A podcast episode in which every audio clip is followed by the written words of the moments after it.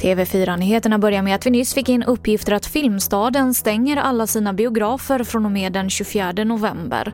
Och det kommer att vara stängt fram till den 22 december enligt marknadsdirektören. Regeringen kommer att vilja göra det lättare för skolor att använda sig av fjärr och distansundervisning.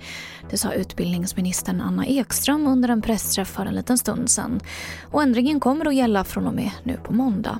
Det är två saker som jag vill vara väldigt tydlig med. För det första, det ska inte förekomma mer fjärr och distansundervisning i gymnasieskolan än vad som behövs.